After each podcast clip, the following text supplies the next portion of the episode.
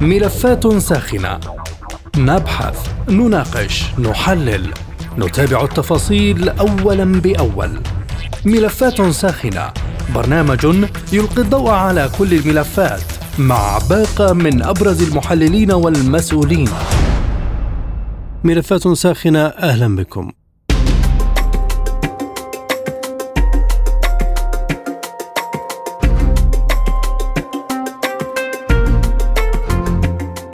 بدأت ارتدادات الخطوة الإقليمية بالتقارب بين الجيران تظهر على الملأ بعدما كشفت الولايات المتحدة عن تخوفها من الخطوة السعودية نحو سوريا وإيران والتقارب مع البلدين.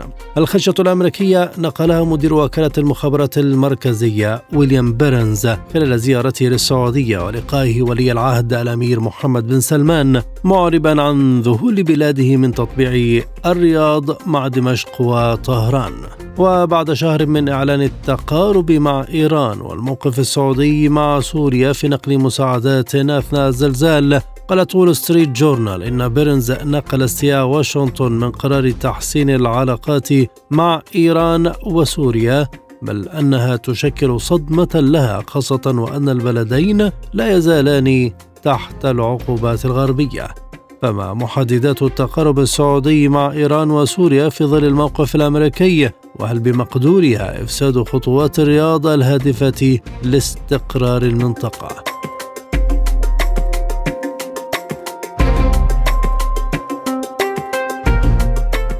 ينضم إلينا للنقاش في هذه الحلقة رئيس مركز القرن للدراسات الأستاذ سعد بن عمر من الرياض. أهلا بك سيدي الكريم. ما هو موقف المملكة من ما يتم الترويج له وامتعاض الولايات المتحدة من تطبيع العلاقات مع سوريا وإيران. نعم هو افتراضات سياسية أن الولايات المتحدة لا ترغب ذلك لكن هذه إرادات دول. يعني الصالح السعودي في في إنشاء علاقات مع إيران إذا كانت إيران جادة في ذلك. هذا من صالح المملكة العربية السعودية ومهما يعني تقاطعت مع مصالح دول أخرى هذا لا يقلل من شأنها. صحيح الولايات المتحدة الآن تحاول أن تضع بعض العراقيل أمام إيران لكن ليس في في ليس هذا ما ما يخص السعودية، يعني السعودية طلبت من الولايات المتحدة أكثر من مرة أمور بشأن بشأن إيران لم لم تتساعد معها، من ضمنها منعها من التدخل في اليمن، فلذلك أعتقد إذا افترضنا أن الولايات المتحدة لا ترغب في أن السعودية تنشئ علاقاتها من جديد مع إيران فهذا يعد تفريط من الولايات المتحدة لأنها لم تقم بما يلزم العلاقة الاستراتيجية مع السعودية بما يجب. ما الذي سيضير واشنطن من الخطوة السعودية؟ أليس من حق الرياض أن تفند مصالحها وتحقق رؤيتها باستقرار المنطقة ودول الجوار؟ أنا قلت افتراضا أن الولايات المتحدة لا تريد من الرياض أن أن تجعل لها علاقات طيبة مع إيران. لكن الوضع ان أن الولايات المتحدة تريد من الجانب السعودي أن يستمر في الضغط على إيران لمصلحة الملف النووي الايراني الملف النووي الإيراني لم تحقق الولايات المتحدة حتى الآن أي طموح للسعودية ودول منطقة الخليج في مسألة إدخال الصواريخ البالستية والطائرات المسيرة، لذلك لم يكن أمامنا ما نعمل إلا أن نعمل علاقات طيبة مع إيران وتكون هناك روح سلام سائدة في منطقة الشرق الأوسط بالتعاون بين الجانبين. إذا كانت الولايات المتحدة هي المفرط في تلبية دعوات كثير من المملكة العربية السعودية فلا يعنينا هذا الكلام، هي مفترض أن تلوم ذاتها في الأول والأخير. هل تملك الرياض أدوات للضغط على طهران في الملف النووي؟ لا شك أن إيران لم تقم بعلاقات مع السعودية بتنفيذ كثير من المطالب إلا بالضغط السعودي المباشر على إيران سواء في منعها من الدخول للأسواق العربية أو منعها من المحافل الدولية أو غير ذلك من الأمور السياسية التي قد لا يستحسن أن نظهرها، لكن حتما إيران كانت كان لديها ضغوطها إلى السعودية نتيجة سياستها في منطقه الشرق الأوسط. لكن الولايات المتحدة هي من نكثت الاتفاق النووي وحتى وقت قريب لم تقدم حلا وتوقفت الاجتماعات هل ترغب فعليا في إنهاء الاتفاق؟ عزيزي السعودية آه، تضررت من سياسة إيران وبالتالي عملت على سياسات مضادة لكبح إيران في اليمن في سوريا في لبنان. بما أن إيران استعدت لمناقشة هذه الملفات والتساعد معها في مع السعودية فلا نحن لا نحتاج الولايات المتحدة الملف النووي الولايات المتحدة وقعت عام 16 أو عام 15 وكانت السعودية لا ترضى بهذا التوقيع. لأنه ناقص ويعطي إيران مساحة كبيرة في مسألة الحصول على الطاقة النووية العسكرية عام 25 فنحن لم نجد أي شيء من من هذا الاتفاق من وجوده أو من عدمه. في النهاية لا يعنينا هذا الملف النووي الإيراني.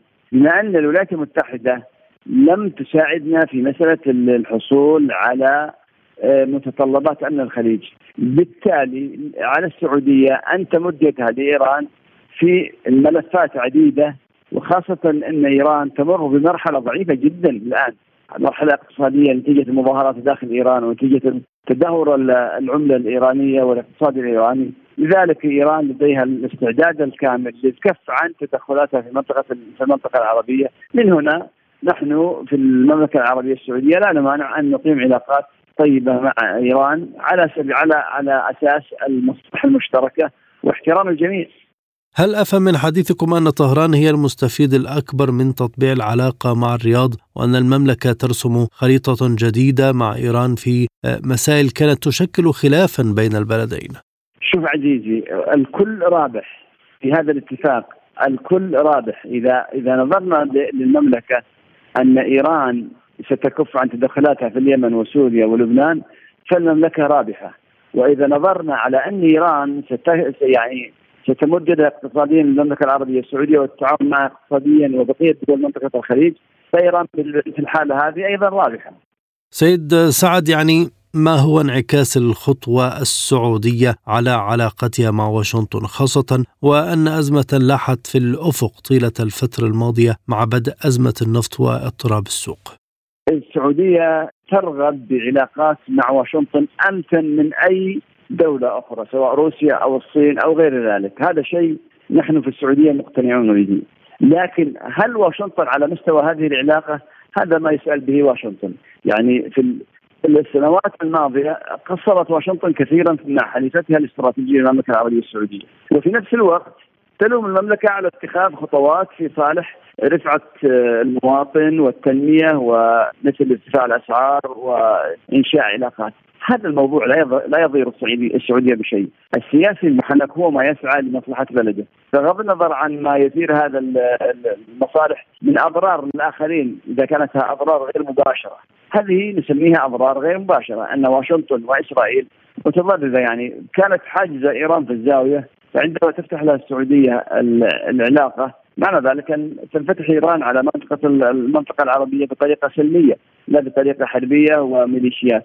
إيران الآن تكف شرها عن المنطقة بإلغاء ميليشياتها مرورا بميليشياتها في العراق واليمن و إذا كانت إيران جادة بالفعل وهو ما تسعى إليه السعودية فالجميع رابح في المنطقة حتى المنطقة العربية رابحة من هذا الهدوء والسلام وإلغاء الميليشيات وتمتع الحكومات العربية بسلام آمن مع شعوبها. ما هي الاستراتيجية اذا السعودية القادمة سواء للمنطقة أو لتعاملها مع الولايات المتحدة التي أكدت على التعاون في مجال الاستخبارات ومكافحة الإرهاب؟ مصلحة السعودية اولا. شكرا جزيلا لك أستاذ سعد بن عمر رئيس مركز القرن للدراسات كنت معنا من الرياض.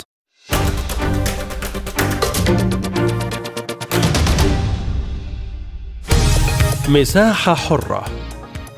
برنامج يسلط الضوء على أهم القضايا الاجتماعية والاقتصادية حول العالم. في مساحة حرة تنوع في الآراء وثراء في النقاش. مساحة حرة يأتيكم عبر راديو سبوتنيك الاثنين والخميس من كل أسبوع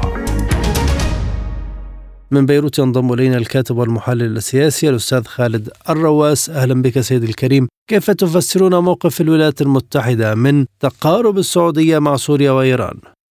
يعني من من المعروف بأن سياسة الولايات المتحدة الأمريكية في هذه المنطقة هي سياسة مقصود منها زرع الفوضى دائما لكي تنهب ثروات المنطقة وتسيطر على شعوبها وهي بطبيعة الحال عندما تكون هذه السياسة الخارجية على هذا النحو يعني أي تقارب إقليمي لا يكون في مصلحتها لأنها لأنه يتعارض مع سياستها، لاحظ بأن مسألة السعودية تحديدا سيطرت الولايات المتحدة الأمريكية على مسألة النفط في السعودية هي بالغه الأهمية بالنسبة إليها لكن السعودية أيضا لديها خصوصية ومصالح مع دول إقليمية ترى في التقارب معها شأن هام جدا للاستقرار في المنطقة. وبالتالي نحن اليوم أمام مشهد يعني يزعج الولايات المتحدة الأمريكية لذلك هي ليست راضية عما يحصل في المنطقة خصوصا أن نفوذها بدأ يتلاشى ويتراجع في ظل التفاهمات الإقليمية والمصالحات التي يمكن أن تنعكس ايجابا على دول المنطقة كالعراق ولبنان وسوريا. وأيضا مسألة الحرب في أوكرانيا وروسيا التي حريصة جدا على أن يكون هناك استقرار في هذه المنطقة وحل سياسي في أوكرانيا أيضا يزعج الولايات المتحدة الأمريكية لأنها تريد الضغط على روسيا لإخضاعها. كل هذه الأمور يجب أخذها بعين الاعتبار لكي نؤكد بأن هذه ما يحصل في المنطقة هو ضد مزاج الولايات المتحدة وسياستها الاستعمارية التي تريد من خلالها فرض سيطرتها على كل دول المنطقة. ما المعادلة التي يفرضها تطبيع العلاقات أو عودتها بين السعودية ودول مهمة في المنطقة؟ لاحظ بأن هذا المدخل الذي سارت به السعودية مع جارتها الجمهورية الإسلامية الإيرانية هي معادله بالغة الأهمية خصوصا إذا كانت تنسحب على بعض الحلول السياسية سواء في اليمن في العراق في سوريا هذه المنطقة هي منطقة يعني ساخنة اذا صح التعبير. وتبريد هذه الأجواء ينعكس ايجابا على الاستقرار في هذه المنطقة خصوصا عندما تكون الجمهورية الإسلامية على موقفها الجاد وكمحور مقاومة منسجمة. كل الانسجام مع مع عناوينها السياسية هي ضغط مع الصين مع روسيا في حربها. كل هذه الأمور يجب أخذها بعين الاعتبار. زائد أن الموقف السعودي المنسجم مع هذه الأجواء يفيد.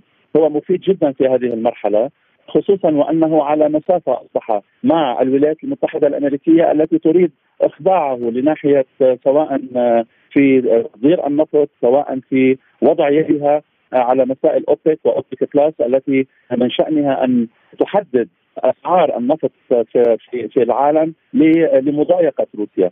لحصارها يعني لكي تتضايق أكثر فأكثر، كل هذه الأمور يجب أخذها بعين الاعتبار لكي نؤكد بأن هذه السياسة هذه الأجواء الإيجابية التي تمر بها المنطقة على الأقل في المرحلة الراهنة هي لمصلحة المنطقة وضد سياسة الولايات المتحدة ومن يدور في فلكها المحور الغربي كأوروبا وسواها التي أصبحت أيضا تلتمس الخطر المحدث من من جراء هذه السياسات الأمريكية في هذه المنطقة ولا بد من أن اوروبا أيضا يجب أن تعيد النظر فيما هي عليه من الخطأ وأن تحذو حذو أن تكون يعني منسجمة مع الحلول السياسية والاستقرار في هذه المنطقة وأن تكون على على الحياد أو أن تأخذ تتقارب مع روسيا تتقارب مع الصين لأن المستقبل هي لتلك الدول غير الاستعمارية على حساب الاستعمار الدولي. أستاذ خالد هل شعرت واشنطن بأن هناك انسحابا من تحت لوائها خاصة من الدول التي تعتبرها من أكبر الحلفاء نظرا لسياساتها التي ربما جاءت عكسية على مصالحها؟ بطبيعة الحال سيدي العزيز لأن تراجع النفوذ الأمريكي في المنطقة اصبح واضحا، لاحظ بأن الولايات المتحدة صحيح بأنها تدعم إسرائيل لكن أصبح سقف الدعم اليوم أصبح واضحا وهو نتيجة أفول ونتيجة تراجع النفوذ الأمريكي في المنطقة نظرا لسياستها الإخضاعية لدولها. لا أحد بعد اليوم سوف يقبل بأن يكون هناك نفسا استعماريا جديدا لهذه الدول خصوصا وأنها وأن هذه الدول قد عانت الأمرين من السياسات الأمريكية التي تريد إخضاعها على المستوى السياسي وعلى مستوى الطاقة والثروات التي تتمتع بها دول المنطقة، هذا الأمر لا ينسحب لا على روسيا ولا على الصين ولا على الدول غير الاستعمارية التي تريد أن تتآلف فيما بينها وتتحالف لمصلحة الاستقرار العام، بعكس مشيئة الولايات المتحدة وسياساتها لا زالت حتى اليوم تزرع الفوضى وهي موجودة عسكريا في بعض الدول كشمال العراق كشمال كشرق سوريا آه، وهي حتى اليوم آه، يعني ربما تبحث عن عن مخرج للحلول السياسية التي لن ترضى بها دول المنطقة إلا على بمشيئة شعوبها وليس بمشيئة الولايات المتحدة، هذا الأمر يعني أصبح واضحا وأن سياسات الولايات المتحدة الإقطاعية والاستعمارية إلى تراجع وفي القريب العاجل ربما في المستقبل المنظور سوف يكون هناك ربما خيارات سياسية للولايات المتحدة الأمريكية في تنازلات معينة. يمكن أن يكون هناك توزيع آخر أو توزيع مغاير آه، عن عن الحاصل اليوم في مسألة النفوذ العالمي وأن تكون الغلبة لروسيا والصين على سبيل المثال والمحور الذي يدور في فلكهما خلافا لمشيئة الولايات المتحدة وسياستها. هل لدى دول المنطقة الرغبة الحقيقية في الاستقرار الدائم أم هي محاولات ستقف أمامها عراقيل المصالح أو التهديد؟ أه، لاحظ بأن كل الحروب في العالم وراءها اقتصاد أو خلفيتها يعني تنسحب على المصالح سواء كل دولة على حدة أو بالتفاهم أو بالتفاهم في بينهم، هذه المصالح أه، لم تعد الولايات المتحدة الأمريكية تسيطر عليها إذا صح التعبير، فلسطين خصوصية هي الأولى في العالم من حيث الصادرات، الأولى في العالم آه، من حيث المبادرات التي آه، تريد من خلالها الصين على سبيل المثال بأن تكون تحت سقف القوانين الدولية. خلافا للولايات المتحدة التي كانت ولا تزال دائما آه، لا تطبق القوانين الدولية خصوصا في مساله في مسألة القضية الفلسطينية. حتى لو كان يعني في أي قرار دولي لمصلحه الشعب الفلسطيني لا تطبقه إسرائيل بغطاء من الولايات المتحدة، أيضا في مسألة اليمن التي اججت الصراع بينها وبين السعودية وها هي اليوم المملكة السعودية تتراجع في فيما كانت عليه من قراءة سياسية وهي اليوم مستعده لأي حل سياسي يعيد الاستقرار إلى اليمن وبالتالي إلى الداخل السعودي، كل هذه الأمور أمور داهمة. هي أمور حقيقية هي أمور خطره لو استكملت الولايات المتحدة الأمريكية طريقتها في إدارة الشؤون الشرق أوسطية هذا الأمر لم يعد مسموحا خصوصا أن الدول الكبرى كروسيا والصين لهما وجهة نظر أخرى في مسألة إعادة الاستقرار خصوصا الصين ومسألة في المسائل العالقة مسألة تايوان هونغ كونغ مع مع روسيا مسألة أوكرانيا كل هذه الأمور هي على طريق الحل ولكن على حساب تراجع النفوذ الأمريكي وبالتالي نحن اليوم في الاتجاه الصحيح ولكن الأمر يلزمه بعض الوقت لكي نعود تستقر هذه المنطقة وتعود إليها اعتبارها خلافا لمشيئة الولايات المتحدة وسياساتها الاستثمارية والرأسمالية المتوحشة التي تريد نهب هذه الثروات على حساب شعوبها. هل موقف الولايات المتحدة يجعل إيران أكثر اهتماما بتقوية العلاقة مع السعودية في هذه المرحلة واستدامتها؟ لاحظ أخي العزيز يعني ربما نأخذ نموذج الاتفاق النووي الذي مزقته الولايات المتحدة والتي خرجت منه خلافا للرغبه الدولية ولرغبة الجمهورية الإسلامية. فعلى عشر سنوات كان هناك يعني تفاوض بخصوص الاتفاق النووي أيام عهد الرئيس أوباما. ولكن عندما وقع هذا الاتفاق وتغيرت الإدارة الأمريكية هذه الإدارة الجمهورية الجديدة مزقت الاتفاق وخرجت منه يعني أنها لا تعير أي اهتماما للقوانين الدولية. وهذا الأمر بالغ الخطورة. لأن إيران من حقها على سبيل المثال بأن تدخل النادي النووي آه، ونادي المعرفه النووية شأنها شأن كل دول العالم. ولكن هذه السيطرة وهذه يعني اخضاع الأمريكي لإيران طبعا يزعج إيران ولديها اليوم أولويات. من أولوياتها؟ بأن تكون دولة ذات شأن أن تعيد آه، دورها في هذه المنطقة وتعيد دور آه، الحلفاء الإقليميين والأصدقاء الإقليميين كالسعودية على سبيل المثال. لم لم يعني لم تتخلى يوما الجمهورية الإسلامية عن دعوة السعودية إلى كلمة سواء أو أن يكون هناك حوار إسلامي إسلامي حول المسائل المرتبطة مباشرة باستقرار المنطقة وهي السعودية اليوم تبادر مثل وتلتقي بالجمهورية الإسلامية في منتصف الطريق وهذا أمر بالغ. الأهمية وهو يزعج أيضا الولايات المتحدة التي لا ترى دور في هذا التقارب. بل الدور هو للصين. الصين هي التي بادرت الصين هي التي غطت. الصين هي التي أعطت الغطاء السياسي الدولي لهذا التقارب وهذا الأمر جيد وهذا الأمر يعيد الاستقرار ولكن هذه المرة بالطريق الصحيح وخصوصا أن روسيا أيضا ودورها في سوريا هو دور محوري، دور مفصلي، دور إيجابي، دور جيد، منعت سوريا العديد من التظلم الدولي من خلال آه، استخدامها حق الفيتو. كل هذه الأمور أخي العزيز يجب أخذها بعين الجدية والاعتبار لكي نؤكد بأن التراجع النفوذ الأمريكي أصبح واقعا وهو ليس وجهة نظر وأن أي تفاهمات على مستوى المنطقة سوف تكون لمصلحة المنطقة وليس لمصلحة أعدائها.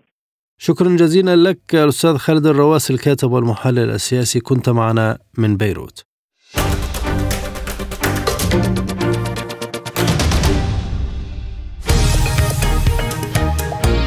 عالم سبوتنيك يغطي جميع الأحداث السياسية والاقتصادية والرياضية حول العالم.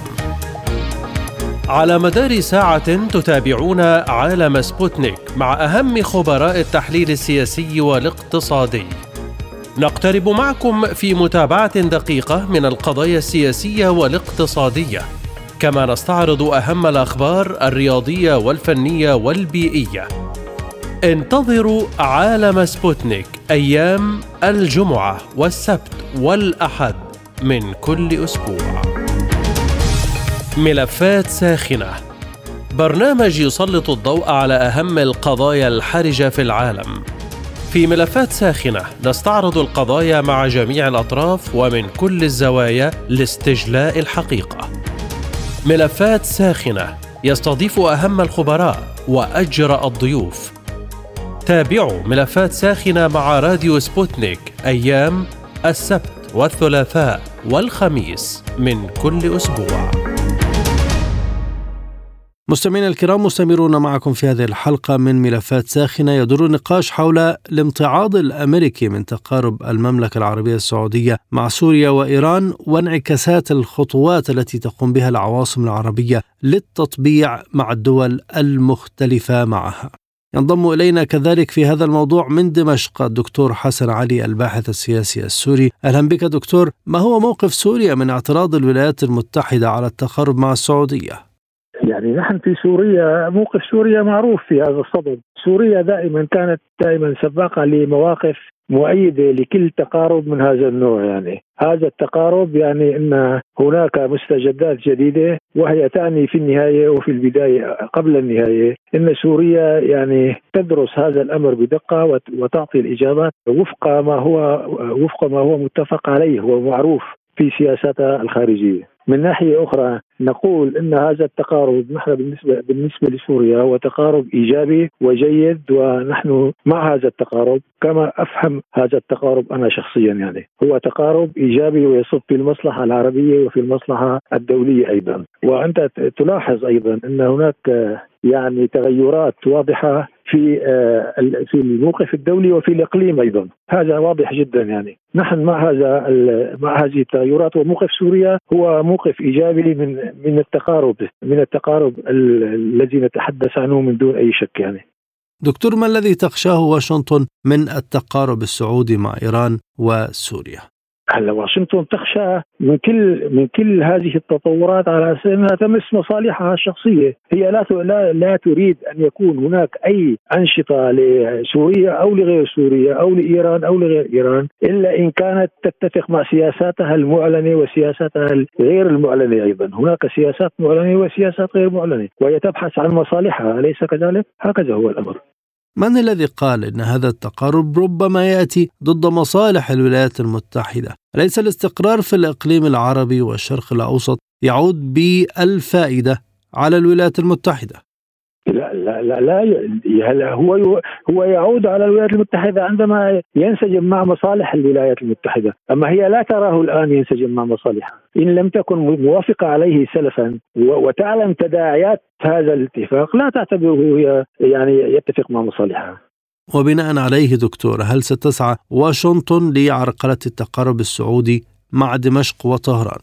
أنا من وجهة نظري هي تسعى من وجهة نظري الشخصية وكتحليل هي تسعى وليست مهتمة بمثل هذه الأمور آه، التي تنعكس ايجابيا على دول الإقليم، ما لم تكن مطلعه عليها وما لكم وما لم تكن موافقة عليها أصلا، وهي ليست كذلك، الموقف ليس كذلك. زيارة مدير وكالة المخابرات المركزية الأمريكية للرياض ألا يعكس رغبة أمريكية في توجيه ضربة للاتفاق؟ هلا توجيه الضربه إلى إلى إلى الاتفاق. هلا أنت صرت الآن عم تحكي بمعنى آخر. طبعا هم يرغبون بتوجيه هذه الضربة لكن حتى آه، تنفذ تماما كما يرغبون يجب أن تكون مضمونة وهي ليست مضمونة الآن، المعطيات الموجودة في الإقليم وفي الوضع الدولي وفي البيئة المحيطة لدينا هنا لا لا تشير إلى هذه المؤشرات، يعني هم هناك موقف معلن وموقف غير معلن، الموقف المعلن هو ما تراه إنه زيارة وبده بدهم يتخذوا إجراءات وغير ذلك، أما غير المعلن فهو هو الأصح، غير المعلن هم يسعون لضرب هذا التوافق ولا مصلحة لهم في هذا التوافق من وجهة نظري كتحليل ليس لهم مصلحة في هذا التوافق ابدا ماذا تملك الولايات المتحدة حتى تفسد العلاقات السعودية مع دول المنطقة؟ ماذا تملك؟ تملك تملك إلى أدوات وإلى مؤيدين وإلى وإلى أدوات إعلامية وإلى أدوات سياسية توظف هذه الأطراف كلها لكي تنجح فيما تشاء من هذا في هذا المجال يعني. وكيف ينعكس ذلك على التعاون الأمريكي مع الرياض في قضايا مثلا آه، مثل الأمن والإرهاب؟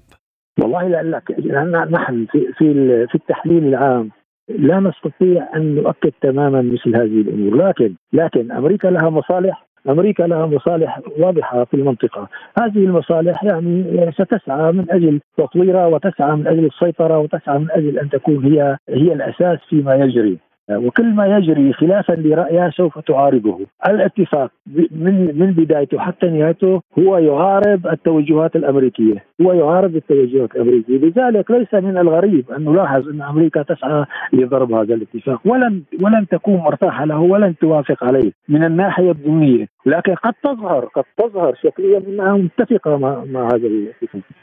يعني هذا نوع من التحقيق وليس نوع من الاستراتيجية. إلى أي مدى تستغل دول الإقليم هذه الحالة من التقارب والرغبة في إنهاء الملفات المختلفة؟